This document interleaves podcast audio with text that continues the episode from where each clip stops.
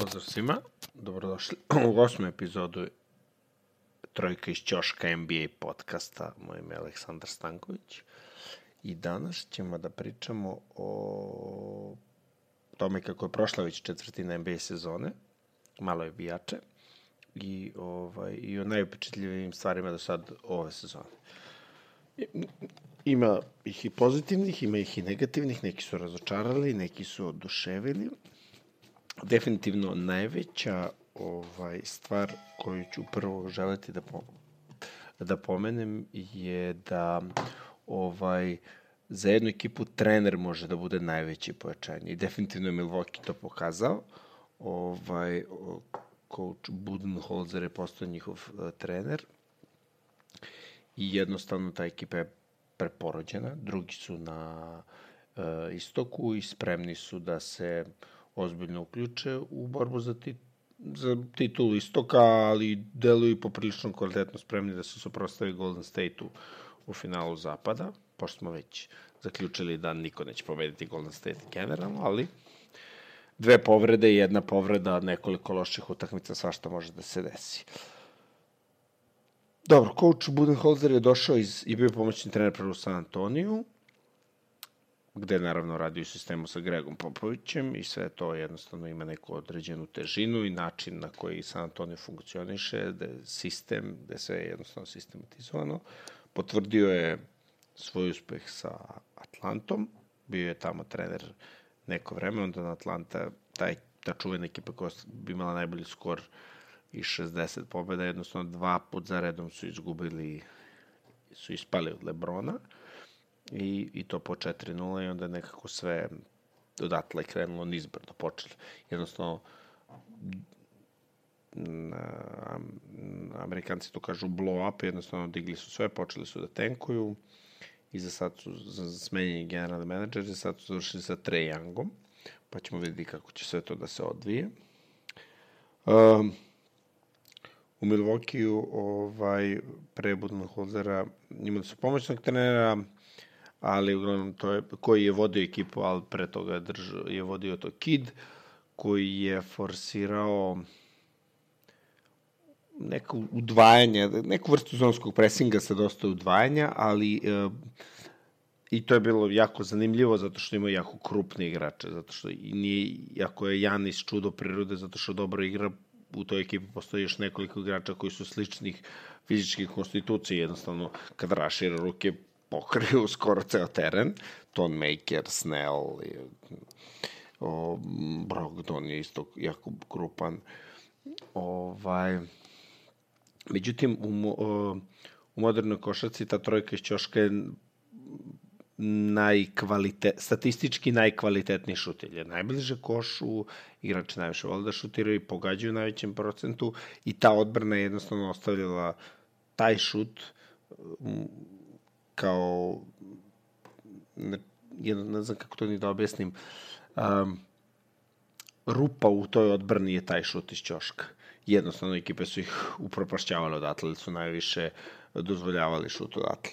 Um, ono što je Bad uradio uh, je da je na neki način otvorio napad, posebno Krisa Middletona, koji je sad na putu da postane all-star igrač ima poprilično zanimljiv prosek, nekih 19 pojena i a, razne druge statistike, šutira trojke, trojke u poprilično dobrom procentu. Mislim do sada u 55%, što je nenormalna suma. Dok s druge strane, još u toku sezone Janisa su Janis je dobio odrešene ruke da svaki put kad je sam, da šutira trojke. Mislim da je to deo razvoja njega, ali ukoliko će postati najbolji igrač, ne ikada, ali ukoliko će postati najbolji igrač u ligi, on definitivno mora da ima šut jer bez toga ne može da se igra.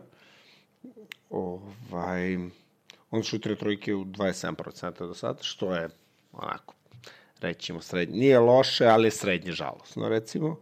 Um, tu mož, mogli smo, ko je gledao utakmicu između Milwaukee i Denvera, mogo je da vidi kako je Brook Lopez svoju igru jednostavno podigao na viši nivo, počeo i onda šutira trojke da ih pogađa na nevjerojatnom procentu, čak što više počeo da šutira sa ozbiljne daline, znači domet mu je postao, sa ozbiljne daline domet mu je postao neverovatan.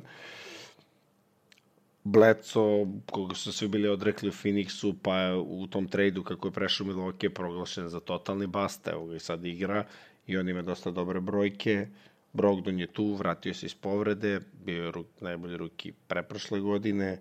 Uh, Pat Cannington se pojavio, to je onako, s obzirom koliko nema belaca u NBA ligi, to je jako jedan zanimljiv belac igra jako tvrdu odbranu, šutira trojke, ima par zanimljivih zakucavanja. Opet s druge strane, Tony Snell i Ton Maker koje smo pomenuli u kidovom sistemu ovde nemaju toliko mesta. Tony Snell bi trebao da ima, malo šutira, ali očigledno ispo iz rotacije. Mislim da najveći problem koji Milwaukee ima sada je oni traže tu neki šampionski nazvaćemo šampionski mentalitet, pošto da bi bio najbolji moraš kako, kako se to kaže, kada dođe playoff i kada je zadnjih pet minuta utakmice pobeđuje ekipa, obično pobeđuje ekipa koja ima najboljeg igrača na terenu. To jeste Janis, ali tu mora da se stvori neki šampionski mentalitet. Lako je, bi, lako je šutirati trojke u regularnoj sezoni i postizati puno, puno pa jednostavno kada dođe playoff, tad se igra odbrana, idu udvajanja, i tada ostali igrači moraju da pomažu i ova ekipa je na putu da pronađe tu neku mešavinu koja im najviše odgovara da postanu baš mnogo dobri. Dobra su ekipa, re, tako ćemo reći. Mislim, to je isto, Budenholzer je to isto i radio sa Atlantom. On je od prosečnih igrača ili mal, od solidnih igrača kao što su Millsap, Horford, uh, Horford, da, i, Ko, i Korver, dobro, Korver gde god ode je jedan fantastičan trojkaš, je napravio ekipu koja je imala, napravio sistem koji koristići analitiku, naravno i modernu, modernu košarkašku analitiku, napravi sistem koji mi je donosio najkvalitetnije šutevi, oni su pobeđivali. Ali kada dođe playoff, jednostavno ne možete da se, nemoguće oslanjati se na analitiku, jer pritisak poraste, igrate se istim protivnikom dva dana za dva dana koje vas jednostavno zna, zna u koji ćete stvarno da krenete posle finte, zna da li ćete, da li ćete sa leve strane na uglu 45 šutiti trojku ili napasti dribling. Jednostavno, sve se te stvari naučili, onda je sve mnogo teže, onda tu individualni kvalitet igrača dolazi do jednostavno neverovatnog izraženja. Da ponavljam, jedno od najvećih izraženja je Milwaukee, jednostavno Toronto, iako je prvi, nije toliko iznenađenje koliko je Milwaukee. Da li će Milwaukee nešto više uraditi, zavisi od toga da li će naći pravu mešavinu koja im odgovara zavisi ka, po me, ja najviše mislim zavisi kako će Ble, Bleco i Brogdon da sa playmakerske pozicije vode tu ekipu, jer jednostavno us, playmaker je jako bitan igrač i kada dođe playoff bez pritiska, bez odbrane to ne ide, a Janis je dobar igrač, ali u poziciju na napadu ne toliko i onda tu do izražaja dolaze ostali igrači. Jer ne može da se igra run and gun non stop kao što se igra sada, pa svi daju po 140 pojena. Okay. Uh, sledeća stvar koju ćemo pomenuti kao 10 najboljih starova je Sacramento. Znači, Sacramento je neverovatan. Znači, nešto su tamo Bogdan Bogdanović i Bjelica, koji je pobegao iz Ovaj, ako ne zna, Bjelica je prvo bio potpisao ugovor sa Philadelphia na 7 miliona, pa onda došao Divac i ponudio mu 20, ako se ne varam. Ovaj, I baš žale za njim malo u Filadelfiji. Mislim da bi sad došao, ba, ko budali šamarstvo se kaže, baš bi im došao, jer na toj poziciji koji bi igrao Belci igra Wilson Chandler, koji se raspada, koji se raspada i u Denveru dok je bio tamo. Uh, ali najbitnija stvar, koliko bi mi to volili, Bogdan jeste jako bitan šraf, ali najbitnija promena koja se desila je to što je De'Aaron Fox nekako kako bi to amerikanci rekli, took step forward. Znači, a, nije ni to, nego podigo je, za, za nivo je podigao svoju igru, na, za, za viši nivo, na viši nivo je podigao svoju igru. Jednostavno, to je ubedljivo fizički najbrži igrač u ligi, s loptom, bez lopte, jednostavno ne, fen, nenormalno je, fenomenalno i nenormalno je brz. Pre neki dan sam vidio da je napao u leđe celu ekipu Jute i da oni nisu uspeli, prva ta igrača nisu uspeli da se okrenu i kroz petoricu prošao i zakucu.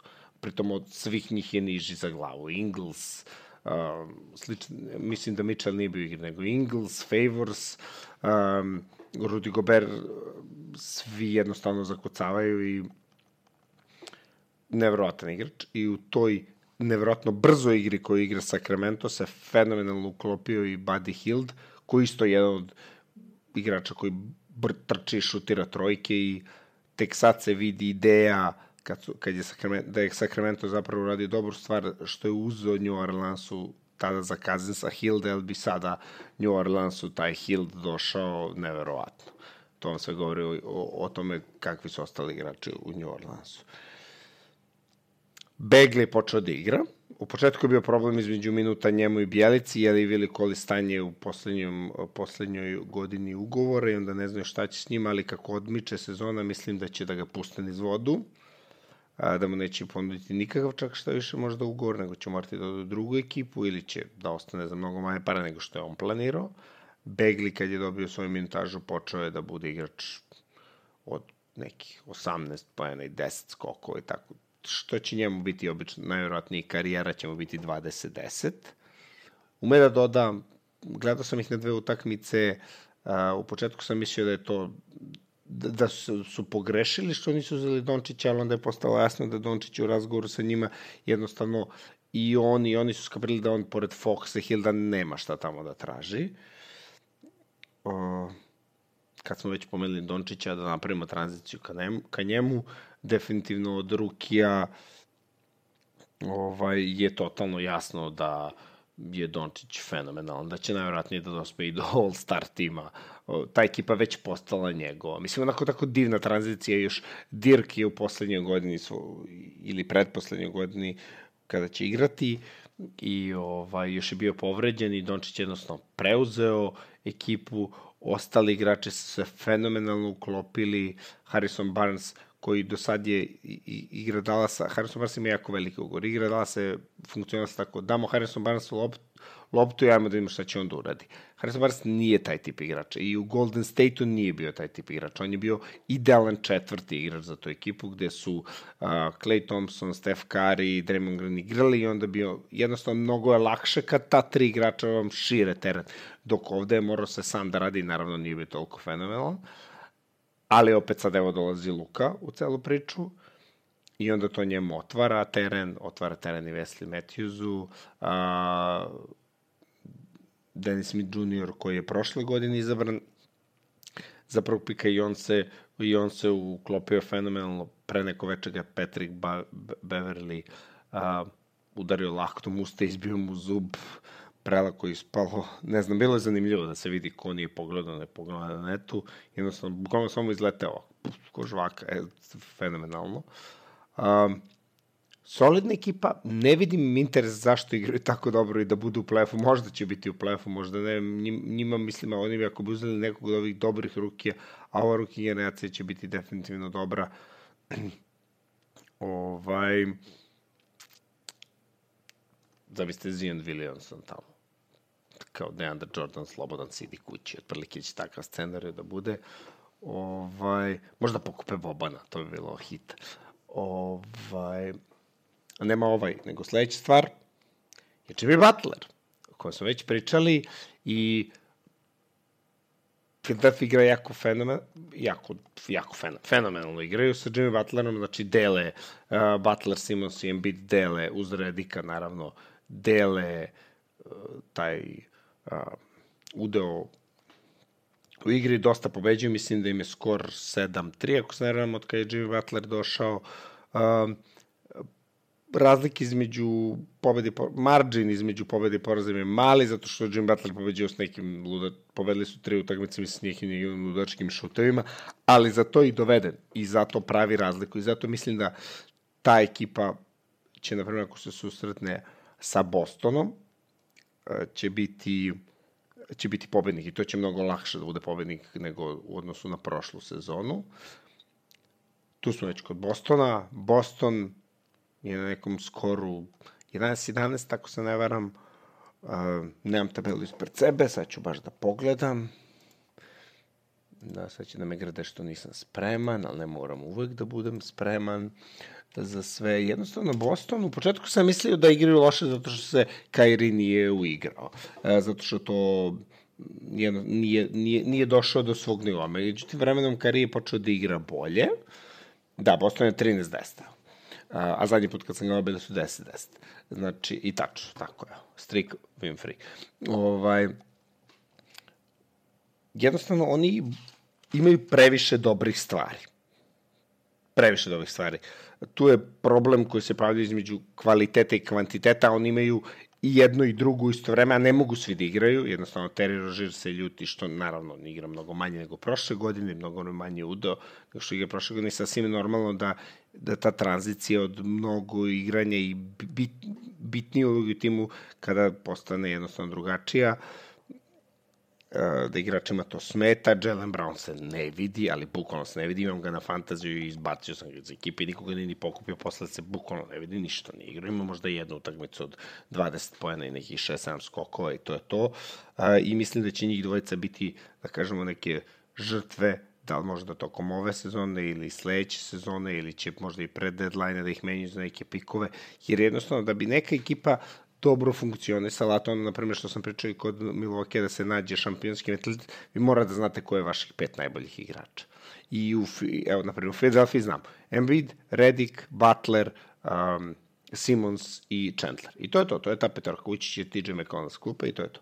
Ovde se ne zna ko je najbolji. Oni vrte tu, vrte tu postave, svašta se nešto dešava.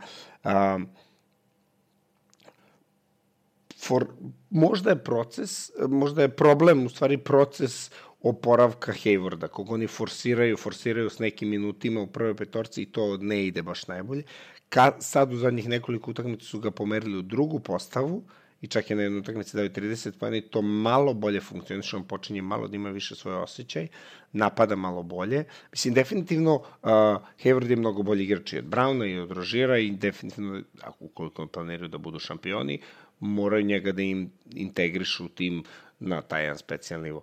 Um, Tatum takođe ove godine u odnosu koliko je eksplodirao u svojoj prvoj sezoni ove sezone nije napravio nije se pojavio očekivani progres, nije skočio napred, tako da se izrazimo, uh, počeo je da šutira ono što smo već pričali, što ja lično najviše mrzim u modernoj košarci, počeo da šutira mnogo tih dugih dvojki, a, a priča je, mislim, priča.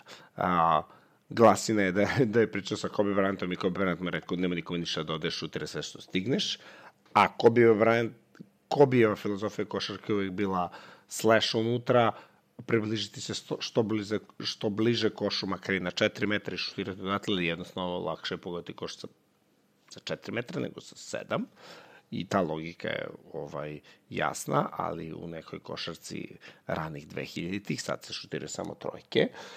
Ovaj, tako da vidimo, vidjet ćemo šta će biti sa sa, ovaj, sa Bostonom. Već počeli malo kao e, da prozivke krenule za Ainge i za a, Breda Stevensa, ali eto, već u tri utakmice su dokazali da, da, da je sve to samo posledica toga što pokušavaju da razigraju više igrača i da ima vremena. Tek je početak decembra da ima vremena koje NBA ozbiljno NBA počinje iza All-Stara. Neke ekipe povuku ranije i to se dešava, ali dosta ekipa povuče tek iza All-Stara, kao na primjer prošle godine što su radili Utah i Miami. Ovaj, sledeća, sledeća stvar su nova pravila. Da.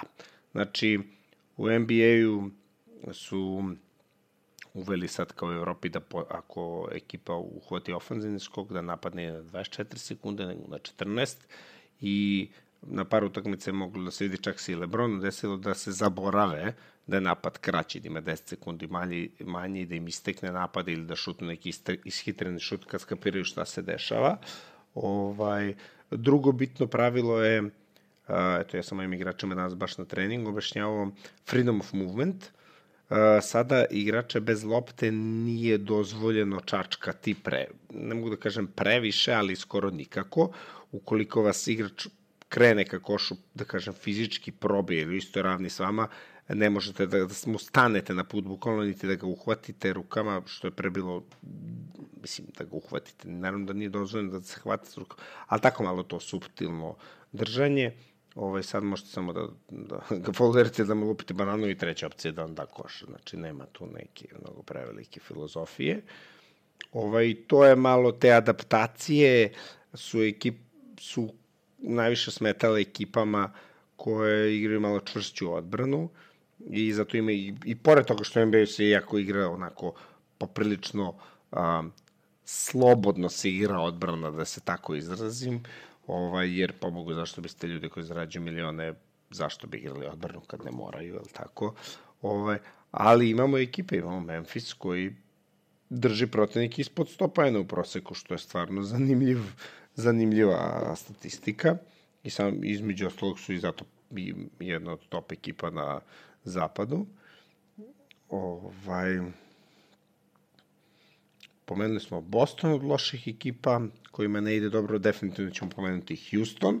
Houston se isto tako kao Boston u zadnjih par utakmica malko, malko bukvalno samo oporavio. Harden se vratio, počeo da igra na svom nivou, ali to je ekipi jednostavno fali defanzivni identitet. Vratili su de, iz penzije defanzivnog koordinatora, tako da ga nazovem, ali neće im pomoći jer jednostavno u odbrane više nemaju dva igrača, to su Ariza i Mabute, ovi ostali James Ennis uh, Michael Kidd, Gilchrist, Gilchrist, jednostavno to nisu igrači koji uh, igraju odbranu na istom nivou i oni morat će tako u tokom sezone da pronađu svoj defanzivni identitet, ali mislim da se oni čuvaju za playoff i bukvalno danas Chris Paul izjavio tek ćemo da vidimo ko može sem Golden State-a da bude sigurno da može da nas pobedi četiri puta u, sedam utakmica i upravo je definitivno kad malo bolje pogledate raz, razmislite čak i Memphis koji je dobro fo, u kojoj dobroj formi ili Portland, jednostavno ne vidim kako može neko da ih outgun,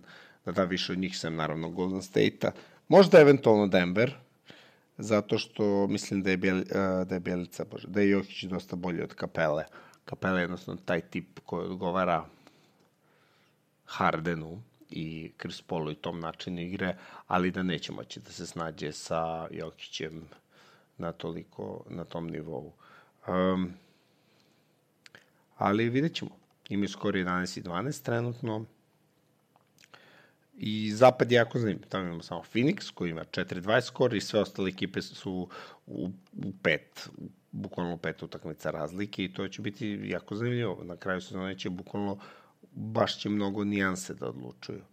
Uh, idemo dalje. Utah, ne možemo da ne pomenim Utah koja je bila fenomenalna prošle godine i oni i njima isto na cvetaju ruže 12-13. Tradovali su uh, za Korvera, Korver se vratio u Utah, to može da bude osveženje za njih i počeo odmah, je prvi šut je naravno pogodio odmah trojku. Ovaj, to može da bude osveženje za njih. Ingles koji je bio fenomenalni, koji je igrao u fenomenalnim procentima prošle godine, ove godine su mu brojke baš loše, to je naravno zato što igrači više, mislim, protivničke odbrane više odbraćaju pažnju na njega. Uh, isti problem koji ima Tatum ima i Donovan Mitchell, znači skok koji se stvorio, napredak koji se pojavio u, ovaj, u prvoj sezoni, jednostavno nema ga u drugoj sezoni i onda oni su najvjerojatnije na istim brojkama, ali očekivanja da budu bolji su tu. Uh, I to je, mislim, jednostavno Utah gura, mislim da sam to već ranije pričao, Favorsa i Rudy Gobera, ali to jednostavno ne funkcioniše. Znači, modern NBA bez sa dva igra dva velika igrača koji su spori i nemaju šut na 4-5, to je, to je smrt, zato što čim se pojave neki niži igrači koji šutiraju trojke, oni ih razvuku i to je gotovo. Vidjet ćemo šta će to biti. Ja progno, prognozirao sam ih da će biti treći, trenutno im ne ide baš najbolje. A, vidjet ćemo šta će tu da se desi. Definitivno jedno od iznenađenja su Lakersi. Moram da kažem da su Lakersi definitivno iznenađenje. Uopšte nisam očekio da će da imaju tako dobar skor. 15-9. Lebron je došao i rekao ok, i ove godine ću playoff, neće se desiti da neće otići playoff, kakvi god da su igrači. Pomenju se tu razni trejdovi, čak i da će pokušati da menjaju uh, vola za bola. to naravno platim ne odgovaraju nikako, ali možda će tu morati da se dese još neke kombinacije da bi se to omogućilo i to nije nerealna priča. To bi omogućilo Lebronu da malo a, spusti brzinu i da produži svoju karijeru, a opet imali bi zapravo jako dosta šanse da bi pobeđuje sve ekipe u zapadu da se su, sukobe sa a, Golden Stateom onako poprilično kvalitetno. Ingram je tu pro, malo upao, vi, više se jednostavno očekivalo od njega, ali možda to je i sasvim realno, zato što je to isti tip kao što je ovaj, Lebron. Da, sledeća stvar, ćemo, koji ćemo pomenuti Golden State. Uh, Steph Curry se vratio i odmah je počeo da nastavio istom ritmu. Mislim, vratio se iz povrede i nastavio istom ritmu kao pre povrede i šteta je što će propustiti još utakmice, inače bi definitivno ove godine on bio MVP bez premca. Lako sad može da se priča o tome ko će biti MVP, da li Embiid, da li uh, Da. Janis, zanimljivo da je Nikola Vučević ima jako, jako dobru statistiku i ovako kao borderline MVP, možda da se priča njemu, čak i sam vidio neki članak o tome u Vajsu, nekim u našim novinama, uh, i imaju pravo. Sada je pitanje da će on uspeti da održi taj ritam. Ako održi taj ritam, čak i iza, iza All-Star, do All-Stara, pa onda iza, prošto je zanimljivo da će Orlando posle mnogo godina da se nađe u play-off i, i posle će bitni. Uh, bitni način da će neko nešto da priča o njima, pošto od Dwighta Howarda na vama, a pre toga i Šeka niko ništa nije pričao. I kad smo već kod toga, najavljujem da će u sledećoj epizodi ćemo da imamo retro emisiju i bit će Penny Hardway, sigurno potpisujem 100%, i bit će onako baš opširna emisija sa dosta informacija, mislim, one koje informacije koje skupim, koje nađem, ali pre svega priča o čuvenom finalu. Um, pričali smo o ruki generacija, smo pomenuli samo Dončića, Od ostalih rukija se isti, ističe samo uh, SGA, kako sad vole da kažu, i Triple J. SGA je Shea Gilgis Alexander iz uh, Clippersa, to vam je kao Penny, kad smo već spomenuli, takav, tako, takve fizičke građe i takva vrsta playmakera, znači visok, čvrst, nema strah, nema respekt, to je dobro, zato se i ta ekipa nalazi tu gde se nalazi. Um, Triple J, Janet, Janet, bože, Jaren Jackson Jr. iz Memfisa. Znači, tačno se uklopio, iako je najmlađi bio na, na draftu, odmah se uklopio i pruža najbolji igre i odmah može da igra u dva praca jednostavno. On njega se očekuje da igra odmah, da šutira trojke, da pomaže Gasolu i Marko Gasolu i Majku Conleyu i to funkcioniše za sad. A, Clippersi, kad smo već pomenuli SGA, Clippersi a, su jednostavno tu imaju gomilu igrača kojima je ovo poslednje, gomilu solidnih igrača kojima je ovo uh, poslednje godine na ugovoru. Jednostavno njima fali jedna zvezda da bi bili šampionski ekipa. Naprimer, kad bi ste tu ekipu udelili Kavaja, to bi bila jako, jako ozbiljna ekipa. Čak možda i Jimmy Butler da je uspio da dođe tu. E sad, naravno, problem, kad biste tradovali, morali biste da date nešto, ali to je to, Teodosić na, ne igra, jako malo igra i kako i sam rekao, vratit će se nazad u Europu kad istekne ova sezona. Uh, Boban zbog svoje odbrane ne igra, ali kad igra bukvalno ima više pojena nego minuta na igri skoro uvek. Sinoć je na poslednjoj utakmici igrao 13 minuta, postigao 19 pojena, 8 skokova. I to je to. Znači, to su najpečetljivije stvari do sada u ovoj sezoni. Sigurno ima još dosta toga da se pomeni, pričat ćemo u sledećoj epizodi o Fulcu, o o svim tim nekim stvarima, o Fred Hoiber je otpušten i o tome šta se dešava u tom mučenom Čikagu i onda ćemo da se dotaknemo i trenutnog života, to je najzanimljivije zapravo oko Penny Hardware, trenutnog života Penny Hardware. Pričat ćemo i čuvenom finalu protiv Houstona, ali ćemo se dotaknemo gde je Penny šta sada radi. E, I to je to, ljudi, ova emisija se malo dužila. Da vidim koliko je to trajalo. 30 minuta, dugo nisam imao tako dugu emisiju. A, pozdrav svima, preporučite me, pošaljite, šerujte link, dajte da ljudi slušaju malo, da možda i neku reklamu stavimo. Ovaj, ako uživate, eto, šaljite mi neke sugestije. Posle Penija ja, ja po mom ličnom izboru ću, ću pričati o Iversonu, jer jednostavno nekako sam košarku počeo da pratim u to vreme kad se on pojavio. Pozdrav svima, čujemo se. Ćao.